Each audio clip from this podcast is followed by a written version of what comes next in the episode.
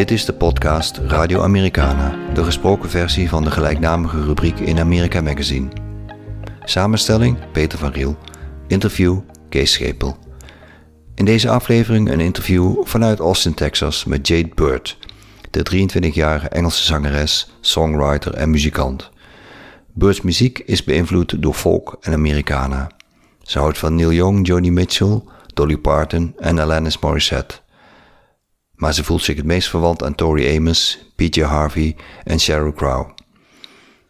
In 2017 debuteerde ze bij Jules Holland. Een jaar later kwam haar titeloze eerste album uit, dat ook besproken werd in America Magazine.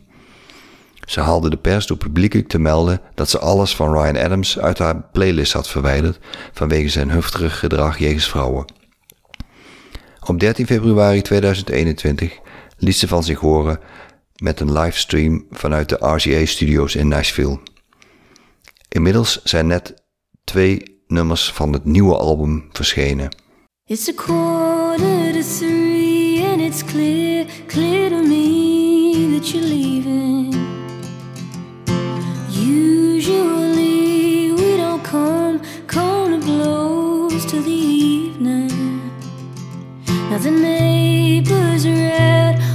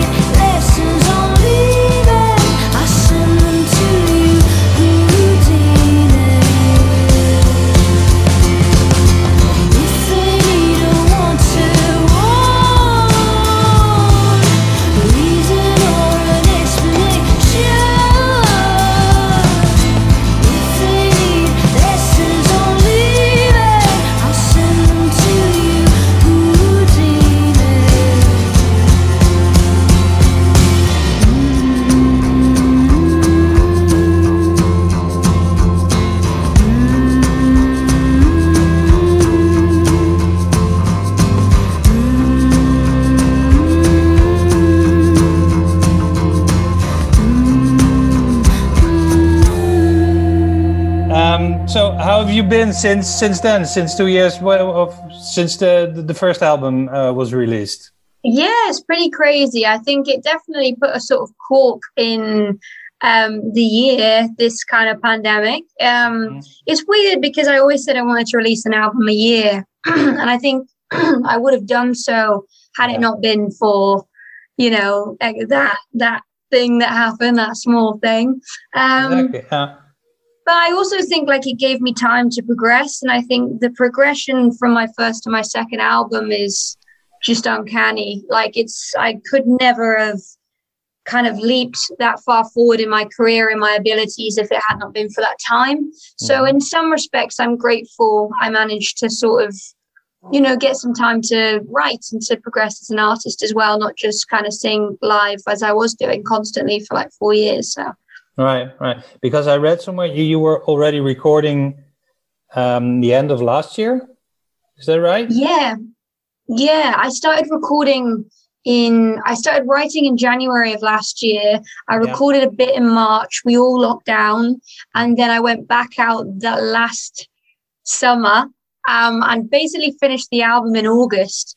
So you know, I'll be releasing the album a year from when I recorded right, it, and yeah, be released in June, right, or, July even. August, I think it is now. Oh, right. So it will be okay. exactly a year till we finished right. it, which is kind of mad. But mm. I'm also very happy about it because I didn't want to rush it out. These songs feel like just too good to do that. And I mm. come across so well live and the story, the build up. I just, I wanted to sit on it, if that, even if that meant sitting on the songs a bit longer. Well, um, the part about playing it live, we watched uh, the live stream, of course, in RCA Studio. Oh, cool! Which was amazing, actually. Oh, thank you. And especially, well, you really had me when you did the the the, the duet mm-hmm. with your guitar player. Yeah. Which was well, the band is great, but mm-hmm. seeing and hearing you two doing this was well, no less than amazing, really. Thank you so much. Ah, and uh, you this was in RCA Studios. This is also. Did you record the album there also, or was it just yeah happened we, to be able to do a live stream from RCA Studios or we recorded the full album there in that room with Dave Cobb who you know a lot of the band members that I was playing with that day we kind of nicked off the house band that Dave Cobb brings in because they're just so good right, like Phil yeah. the keys player um mm-hmm. So we did all that there, and it just felt like the whole heart of this record. So to actually make the first live performance we did from there just just felt so right and so real. But you, you did rehearse with the band, uh, I presume, or was it really the first time you were playing this? live? Of, yeah, we rehearsed, of course, because there's some bits I think from the old album that they wouldn't have known, and sure, just yeah. some things like that. So we, we definitely rehearsed. mm-hmm. You mentioned Dave Cobb. He, he also produced the record. Yes. Right. Your royalty. If Dave Cobb is producing you, right? Yeah, he really is. He's like quite a person to work with. I think his I think the biggest strong suit for me with him was he listened to us. Like me and my guitarist were very close together, mm-hmm. um, and had a re- vision for this record so early on. And a lot of people don't know that Dave actually started in kind of Britpop. He was uh, in a Britpop band, and really? we dug out some yeah. deep video website footage of him in a Britpop band, and it enabled us to get a lot more British influences into the music as well as American. It enabled us to kind of you know, cross the line a bit more and experiment with guitar tones, like quite Mick Ronson, quite Johnny Marr guitar tones. So Dave actually was quite a surprise, I think, for me, not in his genius, but in his influences. Mm-hmm. So, in, in a way, you had to move to the States and record in Nashville and have Dave Cobb as producer to put it back in to your music the Britpop influences? really? Exactly. It's so strange. It's like the further you get from home, the kind of closer you feel to it in a way. And musically, you know, I remember I was in Mexico City when I wrote half of this album because I had to quarantine there before going into America for right, some yeah. reason. I'm not quite uh-huh. sure how it works. Um, and I literally wrote half my record in Mexico City because I f- feel like I just felt so far, but also so close to my kind of spirit and soul of songwriting as well. So mm. it was a really strange, unique process, I think. Mm-hmm.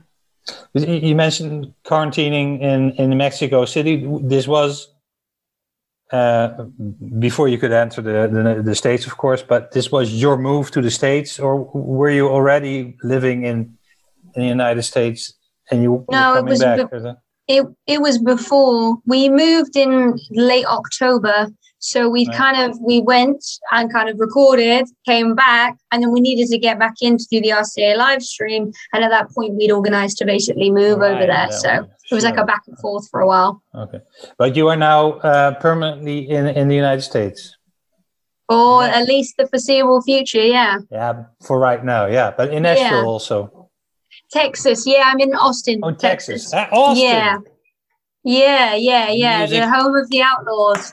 Oh, and the music capital of the good music, right? Yeah. Yeah. yeah. Is there still well now? Now with the pandemic going on, uh, how how is it in Austin? Is it still alive? Of course, there's no or almost no live music, I presume. Well, I played my first show last week. You did. I played like a socially distanced kind of. It was like a restaurant converted, and it was mainly for a live stream for a radio. If I play my next show in a couple of weeks, which is on the outskirts of Texas again, quite outdoors, uh, socially distanced, but there are actually a few little opportunities coming through. It's good. Austin's quite liberal, so everyone's still masking up and taking it really seriously. Yeah. But you know, I had my first first vaccine yesterday, so you know, it's you have. it's kind of kind of looking good.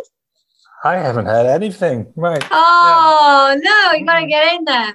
Well, I can't wait. I, I'm like, put it in. I don't care. I, I want to go see live music in any way. I don't care Yeah, how yeah. because I know, I know, I know. Believe we all need yeah. it. Yeah, you Yeah. need it, of course, but well, we as listeners and yeah, yeah, just just feel the the live vibe. It's completely different. I love I love all the live streams, of course, but Yeah. it gets you, you're just staring at a screen and it's. Not I'm with you. A lot of people have kind of asked, like, oh, you know, is like online the future of live performances? And I'm like, honestly, if if that was the case, I couldn't do it. I couldn't. I couldn't play live on screen for the rest of my career. It me- really made me feel when it, we all locked down about six months in. I wasn't sure if I wanted to do it anymore, purely Mm. because I've never been an online artist. I've never been that be my whole power, like my whole thing. I'm Yeah. all about the room and the conversation with the audience, and you know, I'm all about that. So it, that was telling, I think. Yeah, but it- it- it's also the, the, the, the feel. But when you're in the audience, you feel the bass tones in your tummy, Yeah, A- and and you on stage, you, you, it's it's interactive, or you you you- you're you're interacting with exactly. hopefully a large crowd, Yeah, or even a smaller crowd. Who cares right yeah. now? Done both. Done both. hmm Yeah.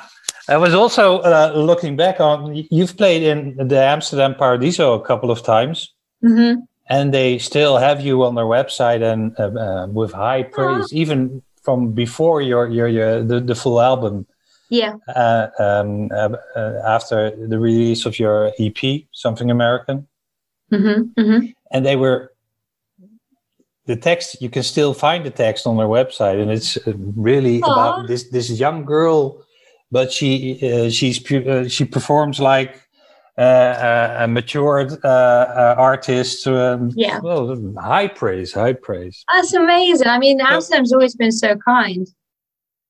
as they should be yeah Yeah, yeah. They've Yeah. always, I mean, they're a great audience. Like in terms of Europe, it's almost like the capital of music right now, I'd say. For especially UK artists, whenever they come over, Amsterdam is one of the biggest markets that they accept early artists. So that's why it's so important to get that city on side early on, you know, because they're the tastemakers of Europe, I'd say. Mm, mm-mm. It's of course almost impossible to plan ahead too far right now. But uh, uh, is there is there a tour in, in the works? Yeah, there's there's so I'm coming over to the UK around summertime. There's a few festivals, a few very very small shows, Mm. um, and then September I'm touring around the US, and then October and November I think I'm not sure what will happen. I'm not sure if we'll tour that early, but if not, it will definitely be January next year, February next year. There'll be a European run. You'll be coming It's- here, yeah. I hope. I mean, there's no reason. I mean, touch wood. Uh, I wouldn't. You know what I mean? Yeah. yeah yeah yeah so that's Sure my do. big hope i don't think we're rushing into anything because counseling is just an absolute nightmare so i think no one's rushing but at the same time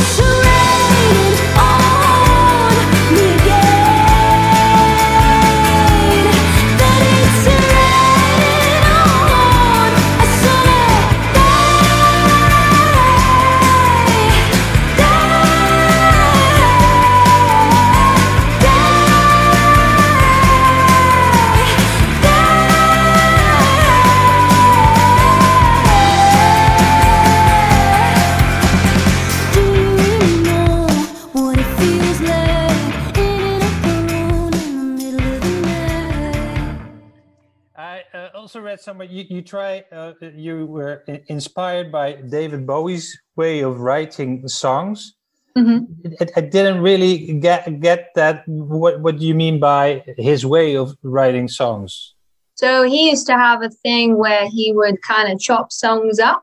So right, he'd get a load of piece mm-hmm. of paper and he'd write the lyrics down and he'd sort of mm-hmm. whack them in a big you know, bag or whatever, and then put them on the floor. And however he ended up singing them, that's how he'd do it. And I think what I'm trying to say is, although I don't copy that technique, I think in in terms of words, I think I would do work the same. In terms of like the whole concept is inspired by a word or a title or a book title or things like that, and it becomes this huge story in my brain, this huge concept. And and I think I've always been fascinated with songwriters' techniques. You know, I mm. really have from Elliott Smith to him to, you know, Sheryl Crow to anybody. Like, I, I so enjoy hearing about how people create the stories they do. Mm-hmm. Because the way you describe his way, David Bowie's way of writing songs, almost sounds like um, uh, uh, like surrealist artists. Yes. Uh, work or worked.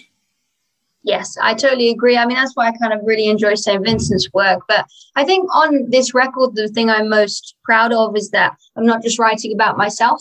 I think something I really took for him from St. Vincent, from the more abstract alternative artists, is their ability to put themselves in somebody else's shoes. So it's like mm-hmm. on this record, there's you know, there's this one song called Punchline about this guy, and you know, it starts off like he says out loud, I've been asleep at the wheel my whole damn life. And it follows him and this waitress. And then there's also this other one that's kind of about a bit of a bank robbery. And it's like, it's just been really fun to explore others. I was getting a bit tired of trying to, you know, get my life in every nook and cranny and you know re-exercise it and repurpose it i thought i didn't think that made me a great writer so i'm glad that i achieved that on my second record you you you feel for yourself that that is a way of moving on because of course you had it as a, a pretty young person mm-hmm. and then singing and performing like a very grown-up person and also singing about stuff that would uh, imply more life experience than you normally would have had people asking you about that yeah it's empathy i think mm. like you know i think any great writer has a hell of like has to have a huge amount of empathy and mm. when you're 18 you're kind of selfish and you kind of think you're the center of the universe and that's are, how you think right? when you're 18 yeah because yeah, you are and that's great yeah. and that's fine i think but i've always looked at writers who like i said Elliott Smith in particular who literally put you on the shoulder of other people Mm. And I think that's just the sign of such an incredible writer that I've always aspired to be. So, mm. you know, like I said, I think we'll get a little bit less selfish for that. So the pandemic's quite quite a good thing. There's every bad thing has a good thing. A Dutch uh, yeah, player yeah, always know, said that. Other side of the coin, yeah. Yeah.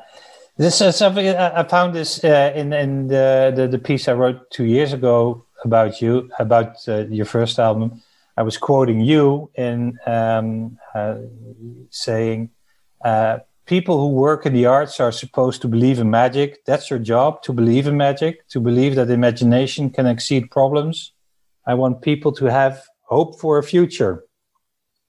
How about that? You remember? yeah, I mean, it kind of rings a bell and I still believe it. I think the whole reason I do what I do, you know, an element of it is to give support to those people who might not have it you know especially for me it's like young women i really focus on because i have my mum and my grandma.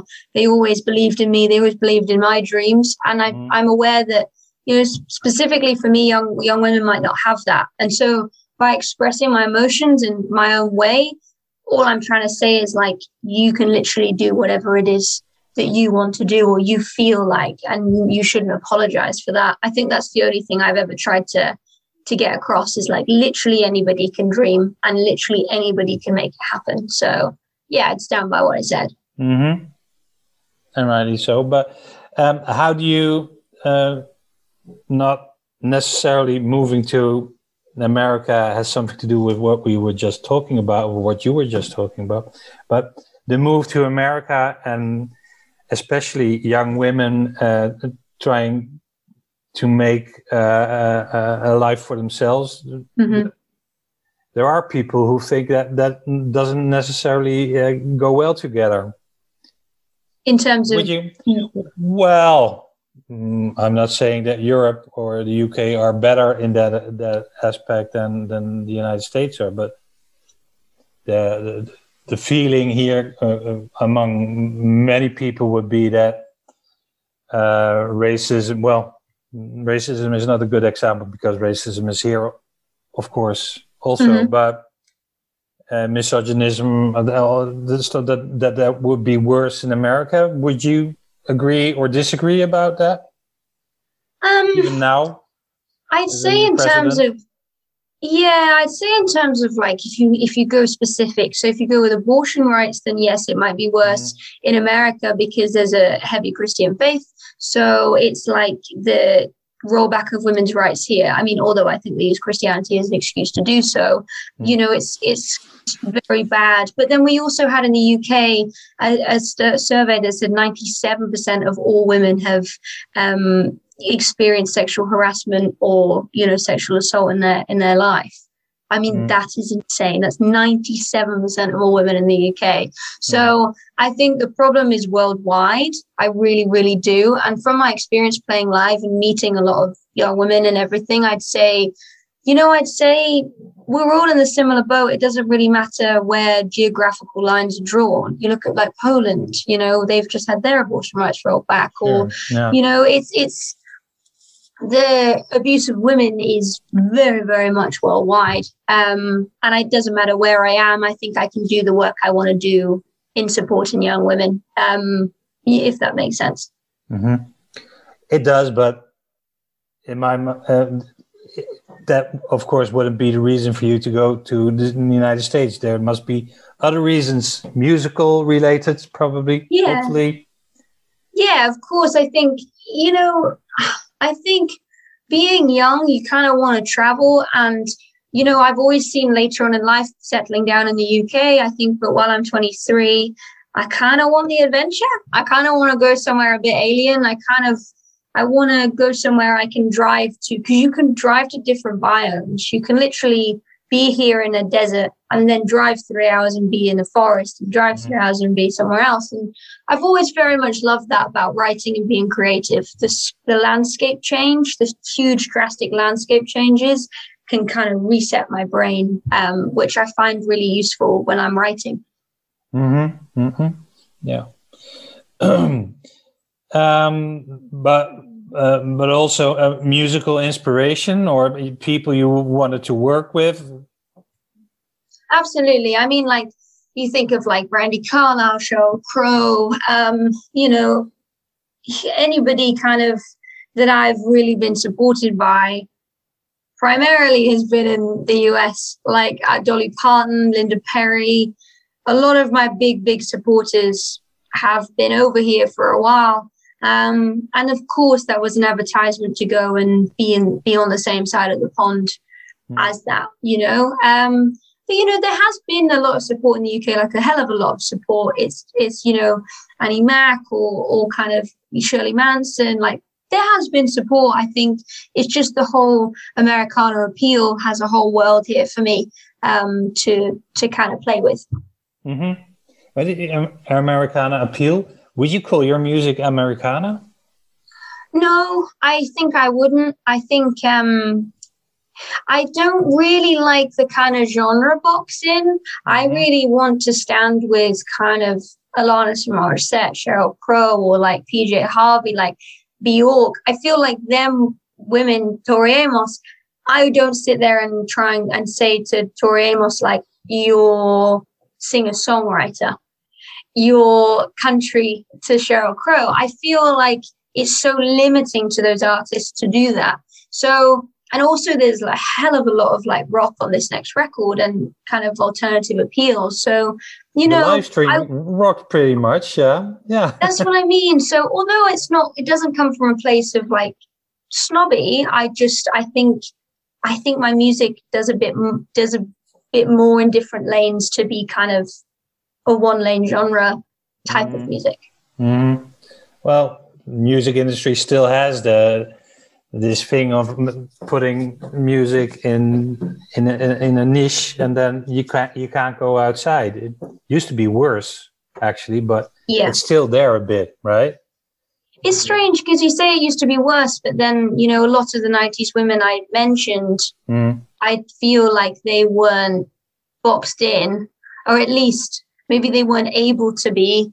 Um they kind of just stood as powerful songwriters I was really curious as to why, when I first came onto the scene, people really wanted to be like Americana country, you know, or like pop. Or Mhm. I was very like, I felt very limited by that quite early on. And it was a bit like shouting at an endless kind of cave, trying to say, no, I'm, I'm not. I just, I'm a songwriter. I'm a songwriter. I'm a songwriter. I can Yeah, write on the piano. I can Yeah. write on the guitar.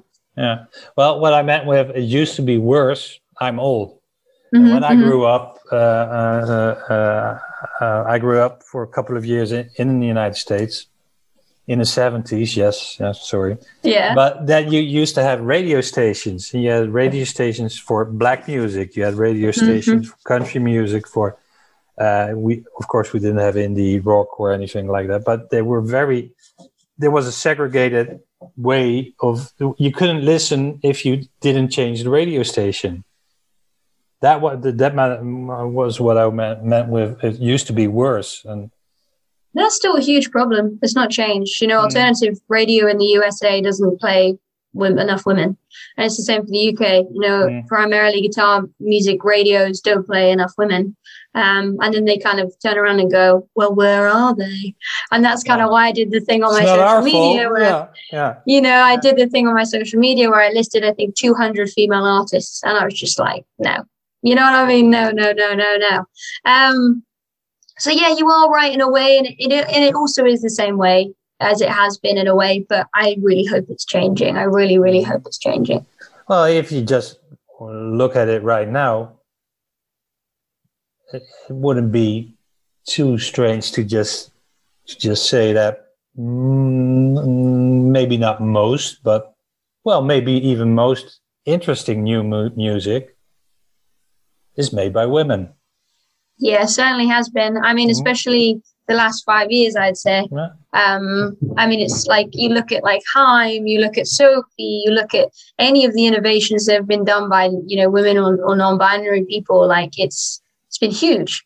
It's been Yeah. huge. But so I I get confused as to why that that equates to a male f- filled kind of playlist. I, I never understand that, but you know, it is what it is, I guess.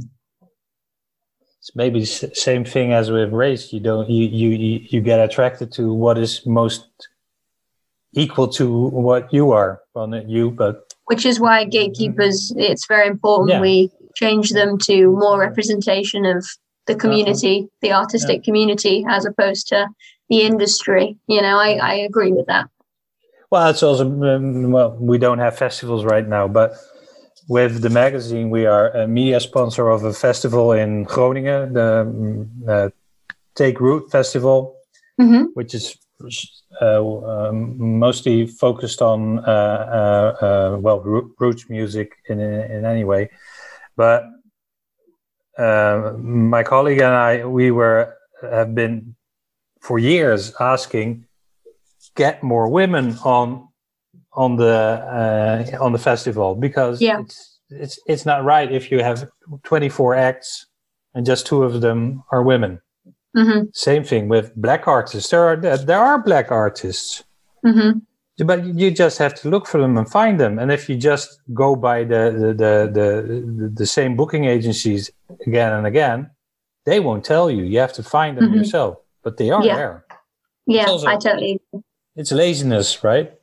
Yeah It- well, there are lots of fights to be fought still. Well, I- I yeah isn't them that the truth yeah exactly So, well, um, I'm very much looking forward to seeing you here live on stage. i can't wait i'm very excited